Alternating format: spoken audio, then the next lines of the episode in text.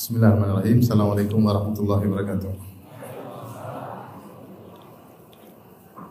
الحمد لله على إحسانه وشكر له على توفيقه وامتنانه أشهد أن لا إله إلا الله وحده لا شريك له تعظيما لشأنه وأشهد أن محمدا عبده ورسوله دعا إلى رضوانه اللهم صل عليه وعلى آله وأصحابه وإخوانه حاضرين الحضرات عند رحمة الله سبحانه وتعالى Uh, pada kesempatan yang bahagia ini kita akan menyampaikan tentang kiat-kiat agar kita bisa ridho dengan keputusan Allah Subhanahu wa taala. Sebagaimana kita ketahui bahwasanya dalam kehidupan ini tidak semuanya sesuai dengan kehendak kita ya. Betapa sering kejadian-kejadian yang kita alami tidak sesuai dengan apa yang kita inginkan. Dan itu sudah sunnatullah, sudah konsekuensi kehidupan bahwasanya dunia ini adalah tempat ujian. Namanya ujian itu artinya kejadian hal-hal yang tidak sesuai dengan hasrat kita, tidak sesuai dengan keinginan kita. Oleh karenanya, ketika seorang diuji dengan hal-hal yang tidak dia sukai, dia berusaha untuk bersabar. Kalau dia tidak bersabar, maka dia terjerumus dalam dalam dosa. Kalau dia sudah bisa bersabar, ya dengan tidak melakukan sifat jaza, jaza itu melakukan sikap-sikap yang menunjukkan protes terhadap keputusan Allah. Ucapan-ucapan yang menunjukkan ketidakridhoan atau perbuatan-perbuatan yang menunjukkan akan hal tersebut. Sebagaimana sabda Nabi wasallam laisa minna man darabal khududa wa syaqqal juyuba wa da'a bi da'wal jahiliyah. Bukan dari golongan kami. Seorang ketika terkena musibah lantas dia memukul-mukul pipinya wa syaqqal juyuba merobek-robek bajunya wa da'a bi da'wal jahiliyah dan menyeru dengan seruan jahiliyah. Ini adalah sikap orang yang kurang beriman kepada Allah Subhanahu wa taala sehingga dia berkata-kata atau bersikap yang menunjukkan ketidakridhoannya kepada keputusan Allah Subhanahu wa taala ini tidak boleh. Ini adalah perbuatan tercela bahkan dosa. Sehingga orang yang seperti ini ketika diberi musibah dan dia bersikap dengan sikap demikian, maka musibah tersebut dia tidak mengurangi dosa-dosanya tidak mengangkat derajatnya bahkan semakin memperburuk dirinya, semakin berburuk dirinya karena Rasulullah mengatakan laisa minna bukan dari golongan kami orang yang seperti ini. Kita tidak seperti mungkin ajaran agama lain yang kalau ada orang yang terkena mengalami kematian maka kemudian dia meratap, merintih, berteriak-teriak ya. Bahkan bangga kalau bisa meratapi mayat yang meninggal ya. Sampai di antara mereka ada yang kalau ada yang meratapi, meraung-raung malah dikasih uang ya. Seakan-akan suatu kebanggaan bisa meratapi mayat yang meninggal. Islam tidak demikian. Bahkan perbuatan seperti ini an-naihah, wanita yang meratapi orang yang meninggal, teriak-teriak maka berdosa diancam dengan siksa neraka jahanam jika meninggal dalam kondisi tidak bertobat kepada Allah Subhanahu wa taala. Jadi ketika seorang ditimpa dengan musibah yang tidak sesuai dengan keinginannya, jika dia tidak bersabar, maka dia tidak dikurangi dosa-dosanya, tidak diangkat derajatnya, bahkan semakin apa?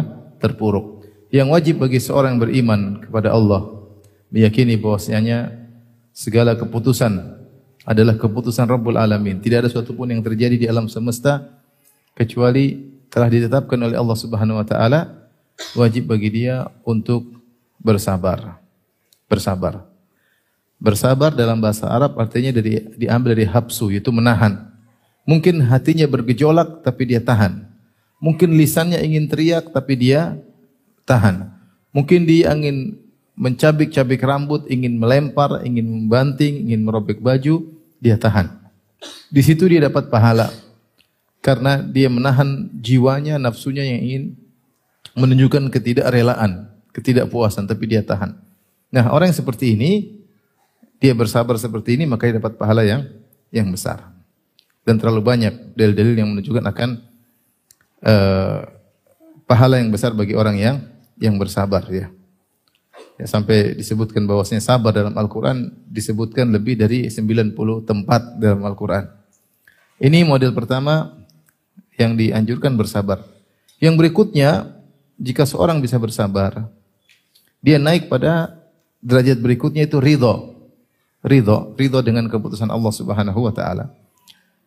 Ridho artinya dia dia bukan hanya bersabar, dia ridho. Kalau bersabar ada suatu yang membuat dia untuk apa namanya menahan. Dia ingin berontak tapi dia tahan. Dia ingin teriak tapi dia tahan. Itu namanya bersabar. Itu sudah sudah dapat pahala. Nah kalau dia bisa melatih dirinya dengan melakukan perundungan-perundungan, maka dia bisa naik pada derajat apa? Ridho. Dia ridho dengan keputusan Allah Subhanahu wa taala. Makanya di antara doa Nabi sallallahu alaihi wasallam, as'aluka ridha ba'dal qadha. Ya Allah, aku mohon kepada Engkau ridha setelah keputusan, setelah keputusanmu. Karena tidak semua orang bisa bersabar, bisa ridho. Ada orang bersabar namun dia belum sampai pada derajat apa? Ridho ya. Dan kalau dia bisa hebat lagi dan ini sangat sulit, dia sampai pada derajat bersyukur, bersyukur atas musibah yang menimpanya. Tapi ini derajat yang sangat-sangat sulit.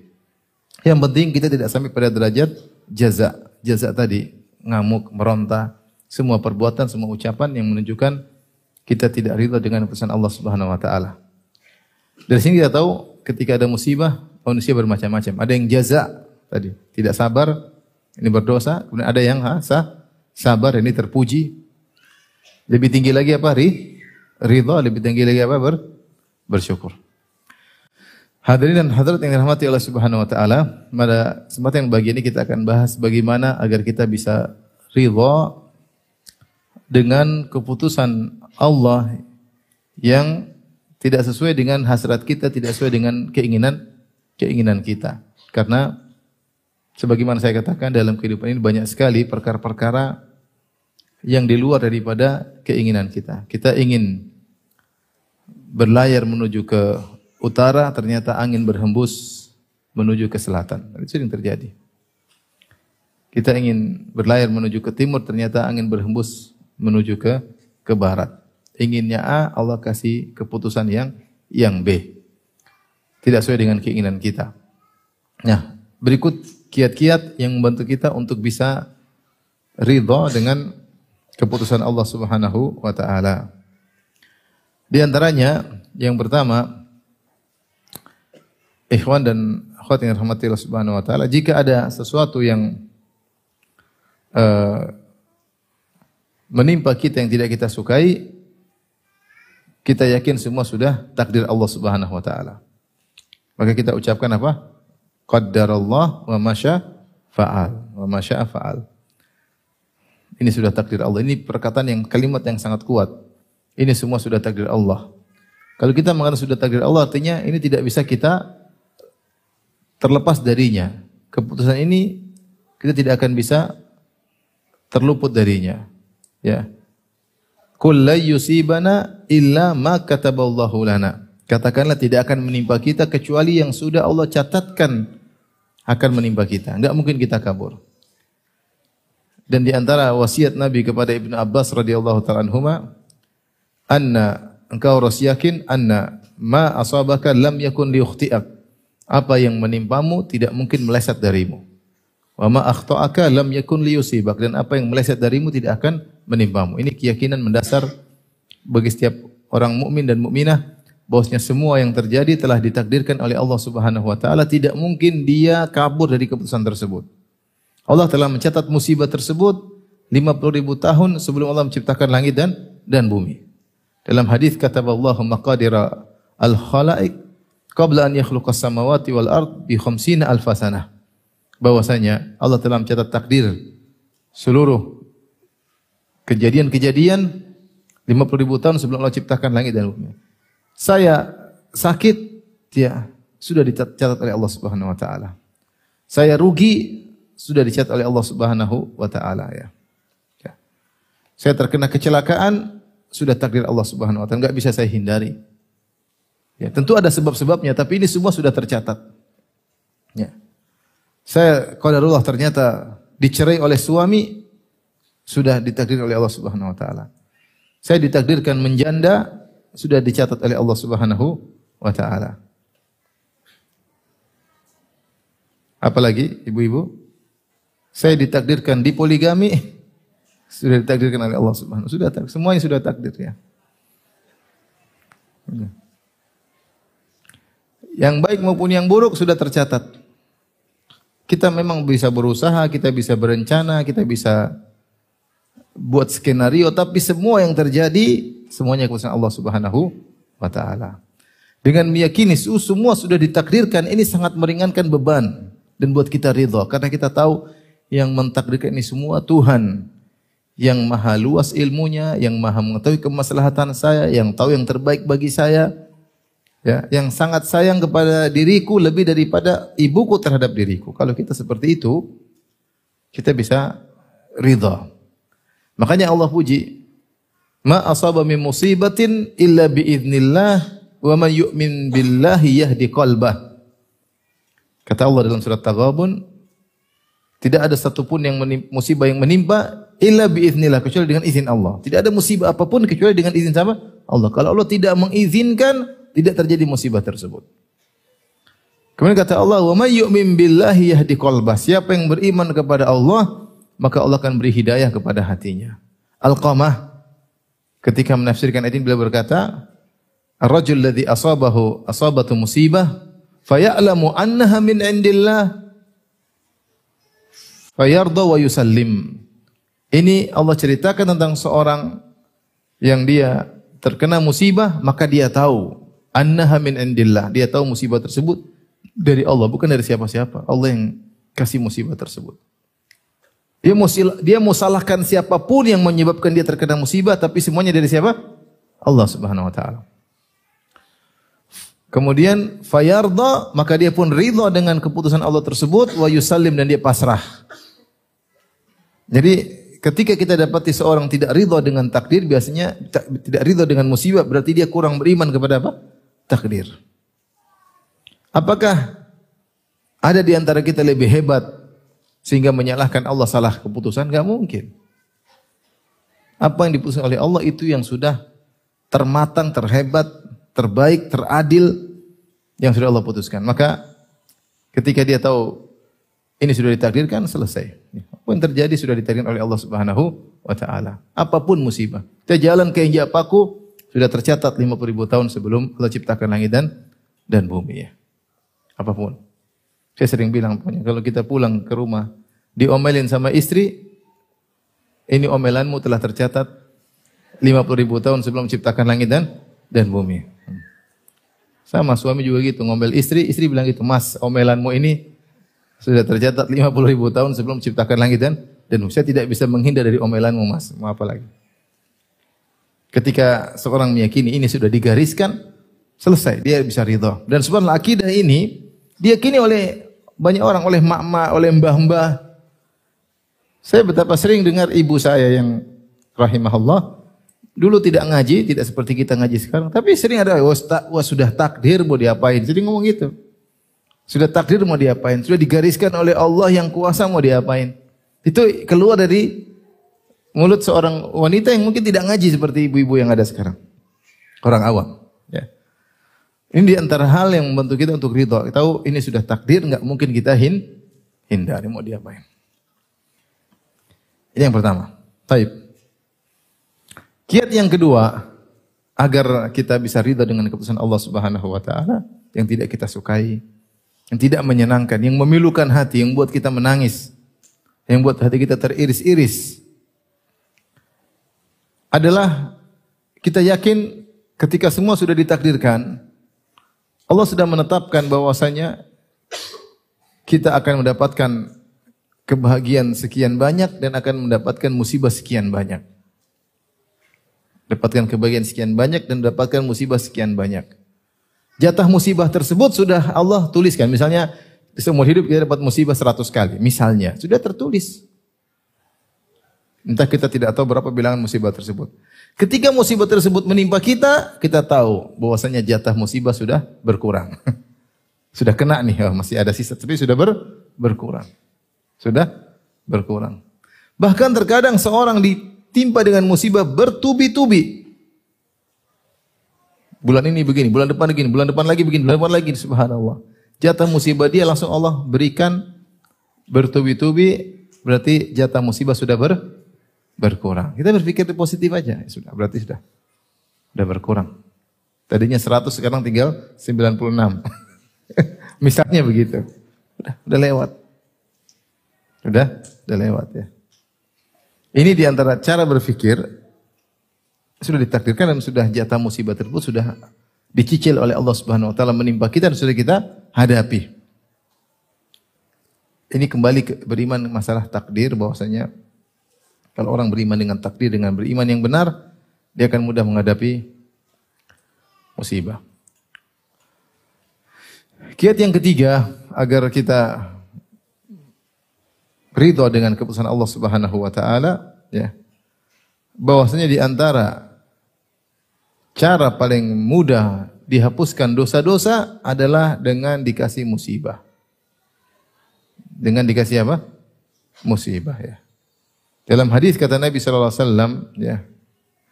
Ma yusibul muslim, tidak suatu pun menimpa musibah menimpa seorang muslim. Min nasabin wala wasabin. Karena dia letih atau karena dia sakit. Wala hammin wala hazanin, dia gelisah atau dia sedih.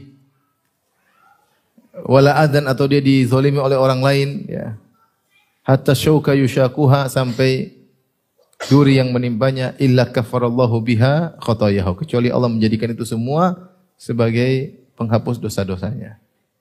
Bahkan dalam satu hadis wala yazalul bala'u bi abdin senantiasa musibah menimpa seseorang terus menerus hatta yamshi 'alal ardi wa laysa 'alaihi khati'ah sehingga dia berjalan di muka bumi tanpa dosa sama sekali.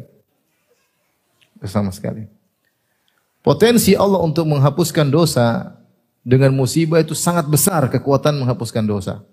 Sampai ketika Nabi menjenguk seorang yang sedang sakit, seorang wanita, kemudian dia mencela demam yang dia rasakan, kata Nabi SAW, La tasubbil humma, fa innaha tuzhibu khotaya bani Adam, kama yudhibul kir khobathal hadid. Jangan engkau mencela apa? Demam. Sungguhnya demam itu bisa menghapuskan dosa-dosa Sebagaimana alat pandai besi bisa menghilangkan karat apa? Besi. Bukankah kalau Nabi sallallahu alaihi wasallam menyungguh seorang yang sakit kata Rasulullah sallallahu la ba'sa tahur insyaallah. Artinya apa? Tidak mengapa. Musibah yang menimpamu ini, sakit yang menimpamu ini akan menghapuskan apa? Dosa-dosamu. Subhanallah. Kita ini mungkin sudah beristighfar, bukan sudah mungkin sudah beristighfar seperti ke malam terakhir Allah maghfirli, Rabbi ghfirli, astaghfirullah. Tapi mungkin istighfar kita kurang berkualitas. Atau mungkin sudah diampuni tapi kita bermaksiat lagi. Dan siapa di antara kita tidak bermaksiat? Tiap hari kita bermaksiat. Siapa yang ber, berinteraksi dengan medsos dia pasti ber, bermaksiat. Atau dosa-dosa lalu yang telah kita lupakan kita nggak tahu. Karena terlalu banyak kegiatan lupa dengan dosa-dosa masa masa lalu. Nah, ada cara Allah untuk menghapuskan dosa dengan cepat adalah dengan dikasih apa? Musibah. Kalau demam saja, demam demam penyakit biasa. Kita rata-rata kuat dengan demam meriang. Kemudian tinggal ambil selimut, minum jahe, meriang. Tidak begitu tidak begitu sakit. Meriang itu tidak begitu sakit. Lain dengan kalau ketusuk-tusuk, rasanya tertusuk-tusuk itu sakit. Meriang cuma biasa. Dia sakit tapi tidak begitu berat. Kita biasa meriang. Itu aja kata Nabi SAW. Fa innaha tudhibu khot. Jangan kau mengeluh, jangan dasar demam, tidak boleh kau caci maki demam. Demam sakit apa kayak gini? Kok enggak hilang-hilang? Itu itu enggak boleh seperti itu. Kenapa? Fa innaha tudhibu khotoya bani Adam kama yudhibul kir khabathal hadid. Karena demam itu bisa menghapuskan dosa-dosa sebagaimana alat pandai besi yang menghilangkan karat karat besi. Saya tanya sama ibu-ibu, mana lebih menyakitkan, sakit hati atau demam? Diomelin suami atau sakit gigi, mana yang lebih menyakitkan? Ibu-ibu, lebih menyakitkan mana? Sakit gigi atau diomelin suami? Kalau sakit gigi, sakit gigi sama demam lebih sakit menyakitkan mana? Sakit gigi. Kalau demam saja bisa menghapuskan dosa-dosa, potensi kekuatan dia menghapuskan dosa begitu kuat, apalagi sakit apa? Gigi. Kalau sakit gigi, apalagi sakit hati. Kalau diomelin suami, eh, jengkel memang, tapi itu dosa langsung cepat apa? terhapus. Apalagi ibu-ibu banyak dosa. Jelas tidak. Apakah ada yang ragu akan hal tersebut? Kita semua banyak dosa. Jadi buat kita ridho di antaranya saya ini banyak dosa. Saya banyak dosa. Allah kasih musibah, ya sudahlah. Tahur insya Allah. Mudah-mudahan menghapuskan apa? Dosa-dosa. Tadi kata Nabi SAW, Laizal bala senantiasa musibah menimpa seorang hatta yamshi 'alal ardi wa laysa 'alaihi. Sambil berjalan semoga tidak dosa sama sekali pada dirinya. Musibah pada dirinya, musibah pada anaknya, musibah pada hartanya, musibah terkait suaminya, musibah terkait istrinya. Musibah. Ini yang keberapa Ibu? Yang ketiga. Sekarang yang keempat, di antara kiat agar kita bisa ridho dengan keputusan Allah. Kita tahu bahwasanya di antara tanda cinta Allah kepada seorang hamba adalah Allah memberi musibah. Dalam hadis Inna Allah idza arada bi abdihi khairan man yuridillahu bihi khairan yusib minhu Man yuridillahu bihi khairan yusib minhu. Siapa yang Allah ingin kebaikan pada dirinya, Allah kenakan musibah pada dirinya. Siapa yang Allah ingin kebaikan pada dirinya, Allah kenakan musibah pada dirinya. Ya. Dalam satu hadis kata Rasulullah SAW, "Idza ahabballahu qauman ibtalahum." Jika Allah mencintai suatu kaum, Allah kasih musibah kepada mereka. Saya ulangi hadis pertama, "Man yuridillahu bi khairan yusib minhu." Siapa yang Allah ingin kebaikan padanya, Allah berikan musibah kepadanya. Hadis berikutnya, "Idza aradallahu biqaumin idza ahabballahu qauman uh, ibtalahum." Jika Allah mencintai suatu kaum, Allah akan menguji mereka. Oleh karenanya, siapakah orang yang paling besar ujiannya adalah orang yang paling dicintai oleh Allah Subhanahu wa taala. Ketika Nabi SAW ditanya, "Ayun nasi asyaddu balaan ya Rasulullah siapakah orang yang paling besar diuji yang paling besar ujiannya kata Nabi sallallahu alaihi wasallam al anbiya para nabi itu nabi orang-orang yang paling dicintai oleh Allah thumma salihun kemudian orang-orang soleh thumma al amsal fal amsal kemudian selanjutnya dan selanjutnya yubtala rajulu ala qadri imanihi seorang diberi ujian oleh Allah berdasarkan tingkat apa keimanannya oleh karena kalau kita renungkan tentang sejarah Nabi Sallallahu Alaihi Wasallam maka beliaulah orang yang paling banyak ujiannya. Bertumpuk ujian kepada Rasulullah Sallallahu Alaihi Wasallam. Jadi berbagai macam sisi ujian. Lahir dalam kondisi yatim, dirawat sama ibunya, kemudian ibunya pun meninggal. Ya. Kemudian dirawat oleh pamannya, di ayah kakeknya kemudian oleh pamannya, pamannya miskin, dia mengembala kambing, harus bekerja, ya. Tanpa ada kasih sayang ayah dan ibu, musibah. Kemudian akhirnya menikah dengan Khadijah. Akhirnya dia begitu cinta kepada Khadijah. Akhirnya orang yang paling dia cintai tersebut meninggal dunia. Kesedihan yang benar-benar dirasakan oleh Nabi SAW. Kemudian anak-anaknya semuanya meninggal. Anaknya tujuh, semuanya meninggal dalam kehidupan Nabi kecuali Fatimah. Fatimah enam bulan setelah wafatnya Nabi SAW. Siapa tidak sedih anaknya meninggal? Subhanallah, saya kadang lihat seorang bagaimana anaknya di luar meninggal daripada dia. Sedih. Bukan cuma satu Nabi SAW. Enam semua meninggal. Mulai dari uh, Abdullah Qasim, kemudian Zainab, Ruqayyah, Ummu Kulthum, dan Ibrahim. Enam semua meninggal. Apakah Nabi meronta-ronta? Tidak. Makanya ketika ada seorang wanita meratapi anaknya di kuburan meninggal dia meratapi. Maka Nabi SAW menasihati. Ya hadhi ittaqillah wasbiri. Wahai fulanah, bertakwalah kepada Allah dan bersabarlah. Sabar. Apa kata wanita ini? Ya. Ilaika anni innaka lam tusab bi musibati. Innaka lam tusab musibati. Pergi engkau. Kau hanya bisa ngomong, kau tidak merasakan musibah yang aku rasakan. Nabi, Nabi pergi setelah itu. Nabi tidak bilang, eh kau baru satu, saya enam ya. Dia bilang, ilaika anni inna kalam tusab bi musibati. Pergi kau, kau tidak merasakan apa yang kau rasakan. Kau tidak pernah kena musibah seperti yang musibah yang menim, menimpa aku. Kata Nabi, Nabi pergi. Akhirnya orang itu perempuan ibu dikasih tahu, ibu-ibu tadi dikasih tahu tadi yang menegur kamu adalah Nabi. Maka dia pun minta maaf sama Nabi. Kata Nabi sallallahu alaihi wasallam, "Innama sabru inda sadamatil ula." Sungguhnya sabar yang sungguhnya adalah pada hantaman yang pertama. Jadi mau saya kalau kita renungkan orang yang paling banyak ujiannya Nabi sallallahu alaihi wasallam. Di, terusir dari negerinya, kota Mekah yang sangat dia cintai, yang penuh dengan kenangan, nostalgia. Dimusuhi oleh karib kerabatnya, dari suku Quraisy, semua suku Quraisy memusuhi Nabi Shallallahu Alaihi Wasallam. Yang harusnya menjadi penolongnya malah memusuhinya. Diserang berulang-ulang untuk dibunuh. Dituduh dengan tuduhan yang tidak-tidak. Ketika anak-anaknya masih hidup, putri-putrinya, suami-suami suruh cerai putri-putrinya biar Rasulullah sedih dengan kehidupan rumah tangganya yang anak-anaknya dicerai oleh mantu-mantunya.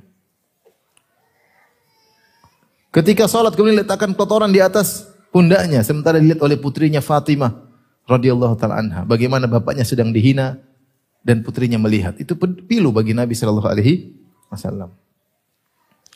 Banyak ujian Nabi sallallahu alaihi wasallam. Kalau Nabi sakit maka panasnya dua kali lipat kata sahabat ketika Rasulullah SAW sakit panasnya tembus sampai ke selimut kata Nabi sallallahu berkata ya Rasulullah innaka uh, tuka wa akan syadida sungguhnya engkau sakit panas kata Nabi wasallam Inni u'ak kama yu'aku rajulani minkum. Saya kalau panas dua kali lipat daripada kalian. Kenapa? Apa karena dosamu, apa karena pahalamu dua kali lipat? Karena iya.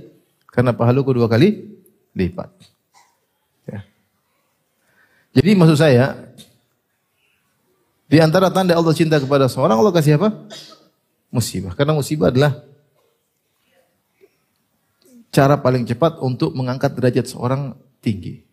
Seorang mungkin sholat, baca Quran, dia naik derajat tapi lambat. Lambat.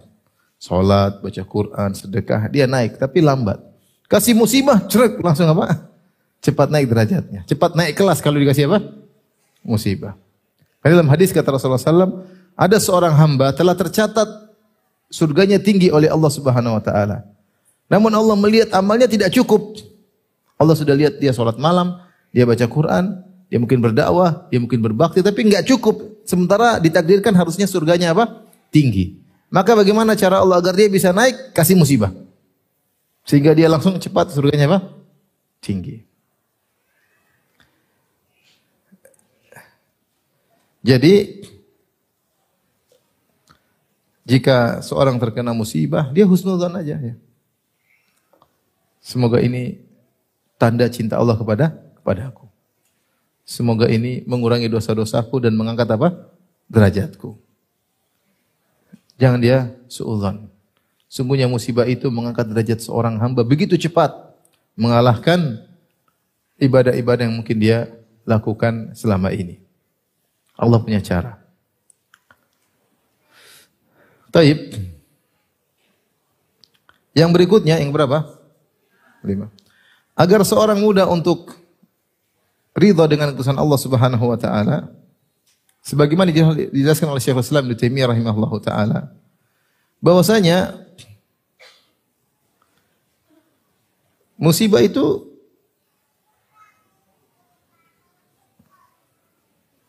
musibah itu seperti cuaca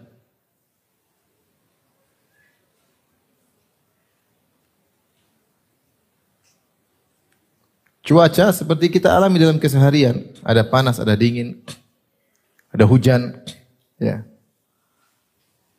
Dan cuaca tidak akan terus-menerus demikian. Artinya musibah itu suatu fenomena kehidupan sebagaimana fenomena alam yang tidak bisa kita hindari. Ketika kita di rumah ada hujan, kita biasa aja hujan, waktunya hujan-hujan. Musim kering, waktunya musim kering. Waktunya panas-panas, waktunya dingin-dingin. Begitu fenomena alam hidup tidak bisa kita hindari. Ya, sabar. Ketika kita tahu itu suatu fenomena alam yang tidak mungkin hilang, kita bisa sabar nggak? Bisa. Lihat orang-orang tinggal di Eropa. Mereka tinggal sampai minus derajat dingin ya. Saya pernah ke satu tempat, kemudian saya pulang waktu itu sudah minus dua. Minus empat atau minus dua. Saya pulang, saya telepon kawan, Sehari itu dua hari berikutnya gimana? Sekarang udah minus 13. Alhamdulillah saya sudah pulang. Tapi dia biasa aja. Karena dia sudah menyiapkan diri bahwa ini fenomena apa? alam. Namanya musibah gitu, nggak ada orang hidup tanpa musibah. Adakah orang hidup tanpa musibah? Raja, kena musibah nggak? Coba tanya raja, raja di raja di dunia ini, raja mana, presiden mana pun, pernah nggak? Ada nggak raja nggak mencret? Coba tanya. Semua raja pasti pernah apa? Mencret.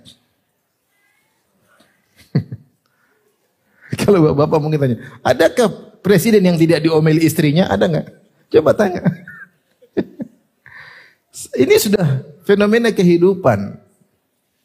Ibnu Taimiyah ma, ma, ma, apa namanya mengibaratkan seperti cuaca. Ketika kamu tahu tua ini cuaca datang dan pergi dan pasti lewat, pasti datang, ya kamu akan siap dan sudah ridho dengan keputusan apa tersebut. Kalau tanpa cuaca yang berubah-ubah tidak indah. Ini kehidupan seperti itu. Ada musibah terus senang lagi. Kita tahu bahagianya kesenangan ketika tahu musibah itu nggak enak seperti itu. Seperti itulah ya. Sehingga seorang bisa bisa sabar ya. Contoh, kita tinggal di Jakarta dengan kemacetan luar biasa. Kita sabar nggak? Sabar. Kenapa? Karena kita tahu itu sudah tobiat Jakarta seperti itu. Tapi kalau orang luar negeri misalnya tinggal satu daerah nggak ada macet tiba-tiba sini ini apa ini mungkin dia marah-marah karena dia baru tahu Jakarta. kalau kita udah Makanya semua problem, saya ulangi, semua problem yang tidak bisa dihindari itu namanya bukan problem. Itu namanya fenomena. Lika-liku kehidup, kehidupan. Jadi gimana? Musibah seperti itu. Apa kata Imam Syafi'i rahimahullah dalam diwannya? Da'il ayama taf'alu ma yasha'u. Da'il ayama taf'alu ma tasha'u. Watib nafsan idha hakamal qada'u wala taja tajza li hadithatil layali fama li hawadithid dunya baqa'u kata Imam Syafi'i biarkanlah da'il ayyama taf'alu ma tasha'u biarkanlah hari-hari da'il ayyama taf'alu ma tasha'u biarkanlah hari melakukan apa yang dia kehendaki. Artinya biarkan bergulir. Biarkan bergulir kejadian-kejadian. Watib nafsan idza hakamal qada'u. Dan jiwa tenangkanlah jiwamu. Tentramkanlah jiwamu. Jika sudah diputuskan keputusan sudah mau diapain? Kau nggak bisa menghindar, sudah keputusan Allah Subhanahu wa taala. Wala tajza li haditsatil layali. Jangan kau ribut-ribut, meronta gara-gara kejadian semalam. Fama li hawaditsid dunya baqa'u. Namanya kejadian-kejadian tidak akan abadi, akan ada hilangnya. Tidak selalu mendung, akan ada cerah. Tidak selalu hujan, akan ada terang. Jadi ketika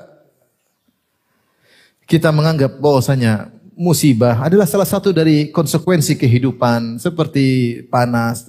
Kita ya sudah, beginilah kehidupan. Kita lebih ridho. Kita ya sudah, memang kehidupan seperti ini. Tadi saya bilang raja aja mencret, apalagi apa? Kita.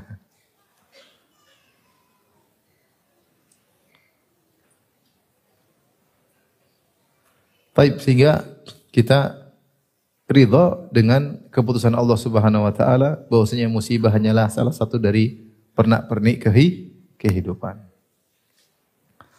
Taib yang berikutnya agar kita ridho dengan ujian Allah Subhanahu wa taala. Yang keberapa?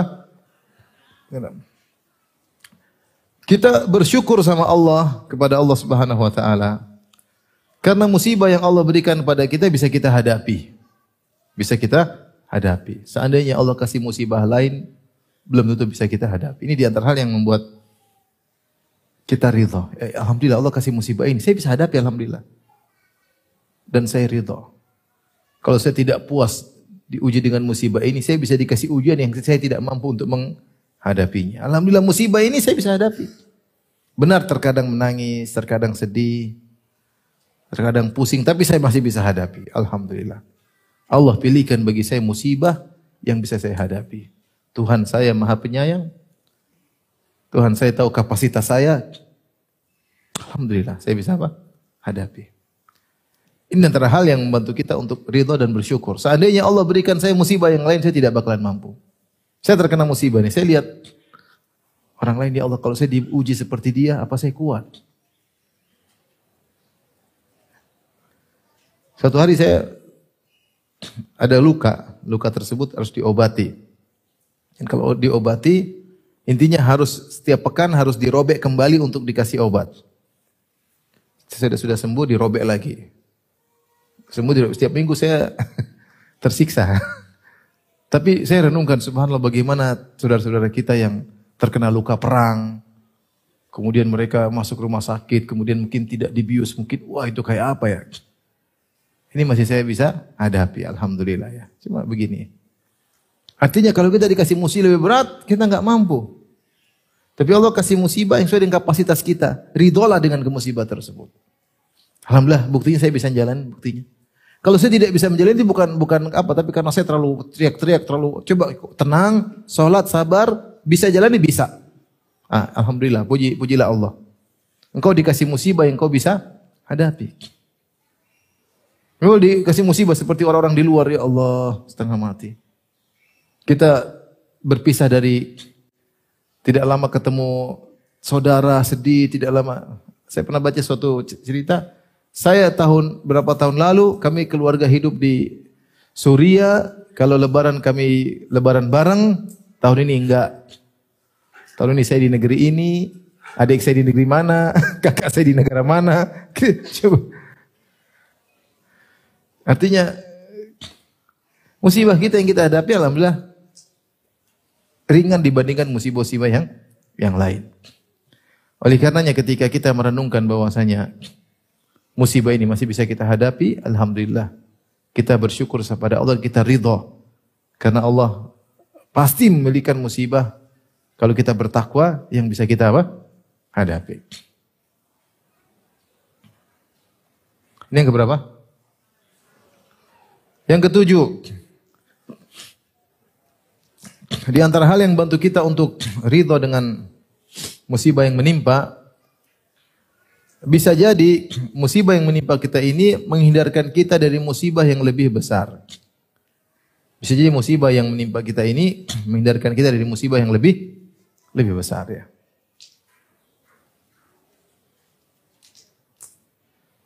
Saya pernah sampaikan tentang kisah seorang yang dia apa namanya jatuh sehingga kakinya sakit, harusnya dia dijadikan panglima tapi dia tidak jadi panglima. Kenapa? Karena kakinya sakit. Sehingga ketika ada tugas untuk jadi panglima perang dia tidak bisa.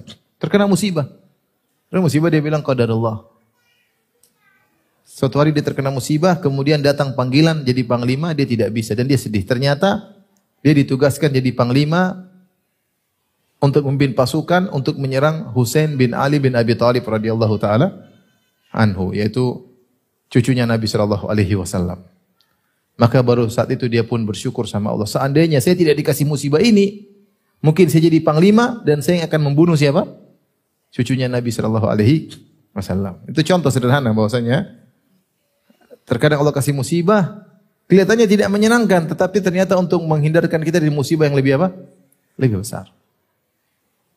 Seperti ada kawan-kawan saya dulu di jamiah, dia cerita, dia uh, mau naik pesawat, kemudian dia pergi ke bandara, ternyata macet. Kemudian sampai ternyata pesawat itu kecelakaan. Ternyata pesawat itu kecelakaan. Musibah ketika ketinggalan pesawat, sedih. Tapi ternyata Allah ingin menghindarkannya dari musibah yang lebih apa? Lebih besar. Dan demikian kita nggak tahu ya cerita di balik musibah yang menimpa kita ya. Dan banyak kejadian. Sedih. Setelah kita renungkan, oh iya ternyata seandainya kemarin berhasil, mungkin sudah kayak apa. Cuma kita perlu perenungan sedikit aja. Mencari hikmah di balik itu. Mungkin tidak langsung, tapi setelah beberapa bulan kemudian, ya, ya Alhamdulillah seandainya dulu terjadi, ya mungkin seperti apa kita nggak tahu. Contoh seorang lelaki mungkin, dia ngelamar akhwat, Terus ditolak. Musibah atau bukan? Musibah. Dia nggak tahu. Seandainya kalau dia nikah sama akhwat itu, mungkin musibah beruntun. Tiap hari diomelin sama apa? Istrinya. Kalau sudah banyak diomelin, akhirnya pembuluh darah tegang, akhirnya kolesterol, stroke dan mudah mati. Alhamdulillah Allah menghindarkan dia dari kematian dengan ditolak. Dia nggak tahu, dia nggak tahu. Ini rahasia Allah Subhanahu wa taala. Ya. Artinya saya sendiri mengalami pengalaman bukan pengalaman ditolak ya bukan ya. Artinya saya ada pengalaman-pengalaman dalam kehidupan ini setelah saya renungkan, oh iya ya seandainya kemarin saya berhasil, oh ternyata tidak pas, ternyata kebongkar, ternyata terlihat, Allah lihatkan. Itu sering. Oleh karenanya ketika kita ter, dan kita analogikan dan ada kejadian-kejadian yang kita tidak tahu. Ada sebagian kejadian yang Allah buka hikmahnya. Mungkin kita mengalami 20 musibah. Dua Allah bukakan tuh, lihat tuh. Coba seandainya kemarin kau tidak terkena musibah. Yang 18 kita analogikakan, sudah selesai. Faham? Dua Allah buka. Allah tidak mesti bukakan semua hikmah musibah yang menimpa kita. Di balik itu ada musibah besar. Tapi dengan Allah bukakan dua, kita sudah bisa menganalogikakan yang lain. Yang lain. Kita bisa husnudon sama Allah subhanahu wa ta'ala.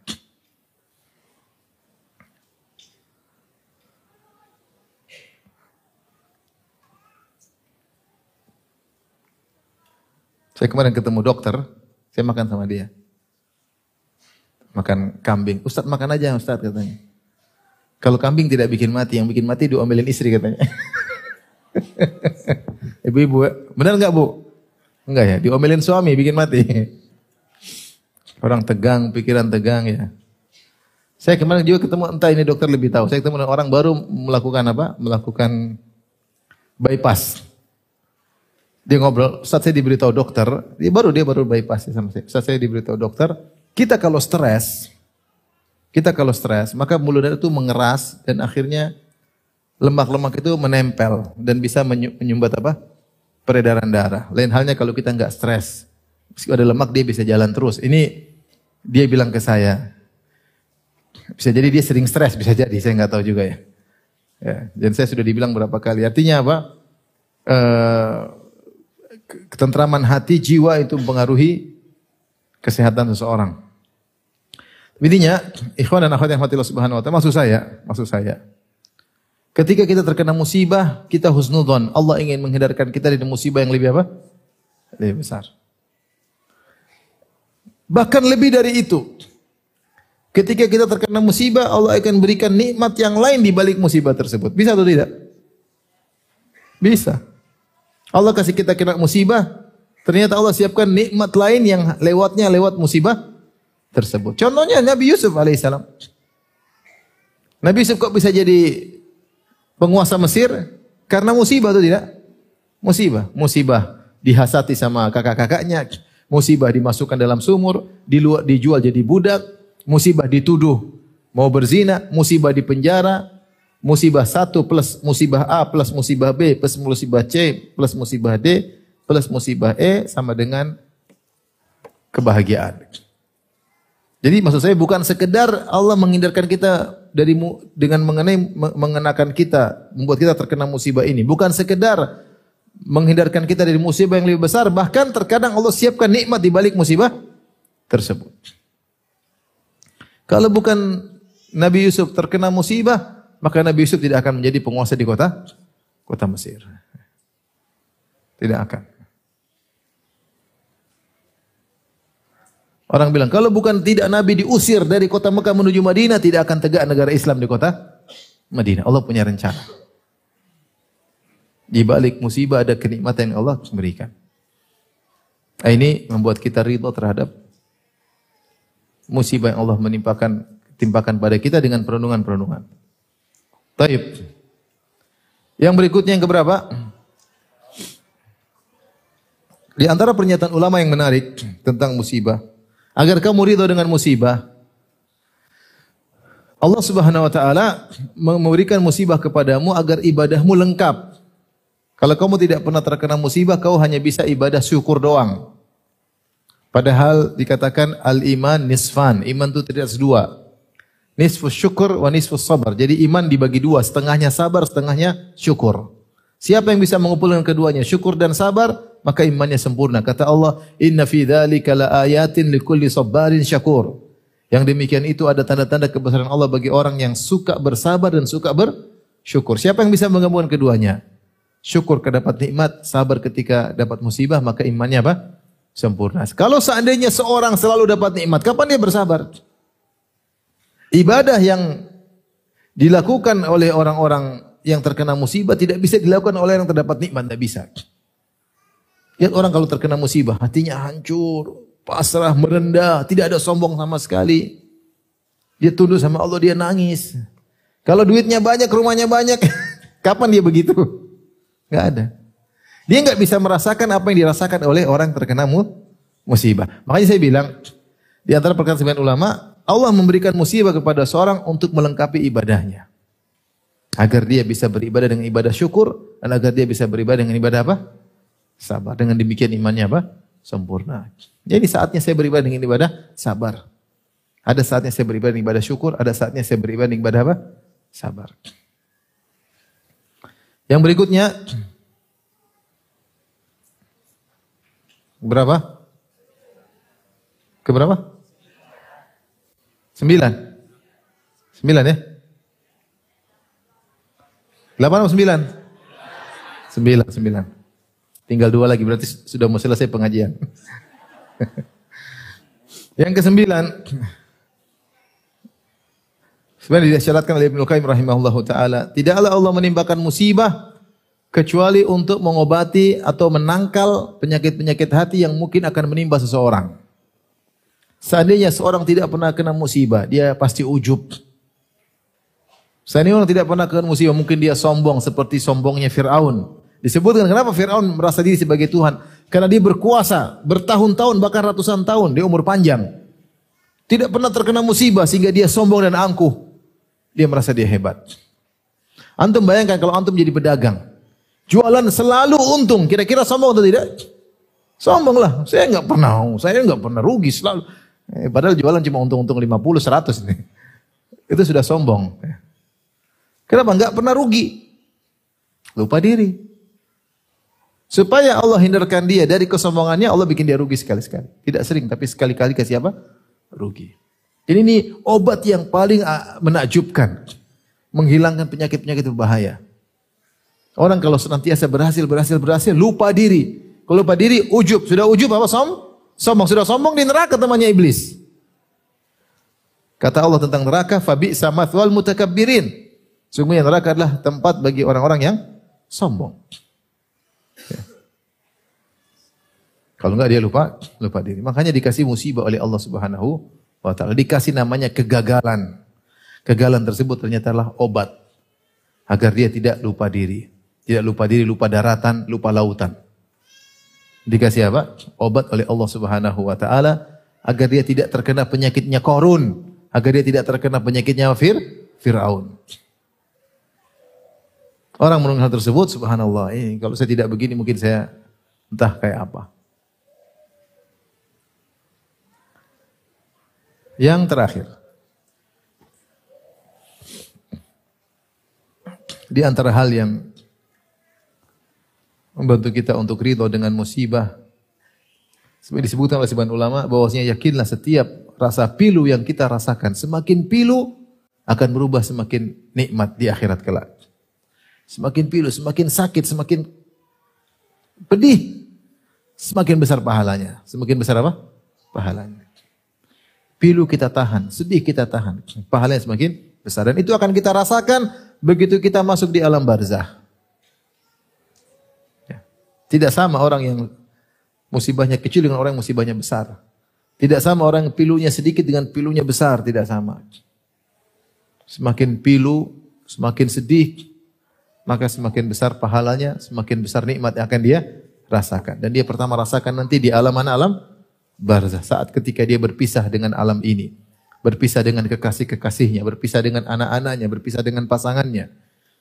Kata Jibril kepada Nabi Muhammad SAW, Ya Muhammad, ahbib man syi'ta fa innaka mufariquh. Cintailah siapa yang kau sukai, kau akan berpisah dari darinya. Ish ma syi'ta fa innaka mayyit. Hiduplah sesukamu kau akan meninggal meninggal dunia. Inilah ikhwan dan akhwat yang dirahmati Allah Subhanahu wa taala, 10 renungan. Ketika kita terkena musibah, kita renungkan baik-baik. Kita ingat-ingat kembali tidak usah kita teriak-teriak, tidak usah kita marah-marah, tidak usah banting-banting. Sungguhnya di balik musibah banyak apa? Banyak kebaikan. Di balik musibah banyak kebaikan. Jangan sampai kita jatuh pada derajat jaza, paling tidak sabar, ridho, kalau bisa syukur alhamdulillah. Itu yang paling yang paling hebat. Tapi jangan sampai jaza itu meronta-ronta. Ya, ketahuilah di balik musibah banyak sekali faedah, pahala dan berbagai macam kebaikan yang telah kita sebutkan tadi. Demikian wallahu taala alam bisawab. Para bapak dan ibu yang Allah Subhanahu wa taala. Semoga Allah menjadi kita hamba-hambanya yang pandai bersabar, ridho dengan urusan Allah dan pandai bersyukur kepada Allah Subhanahu wa taala. Demikian wabillahi taufiq wal hidayah. Assalamualaikum warahmatullahi wabarakatuh.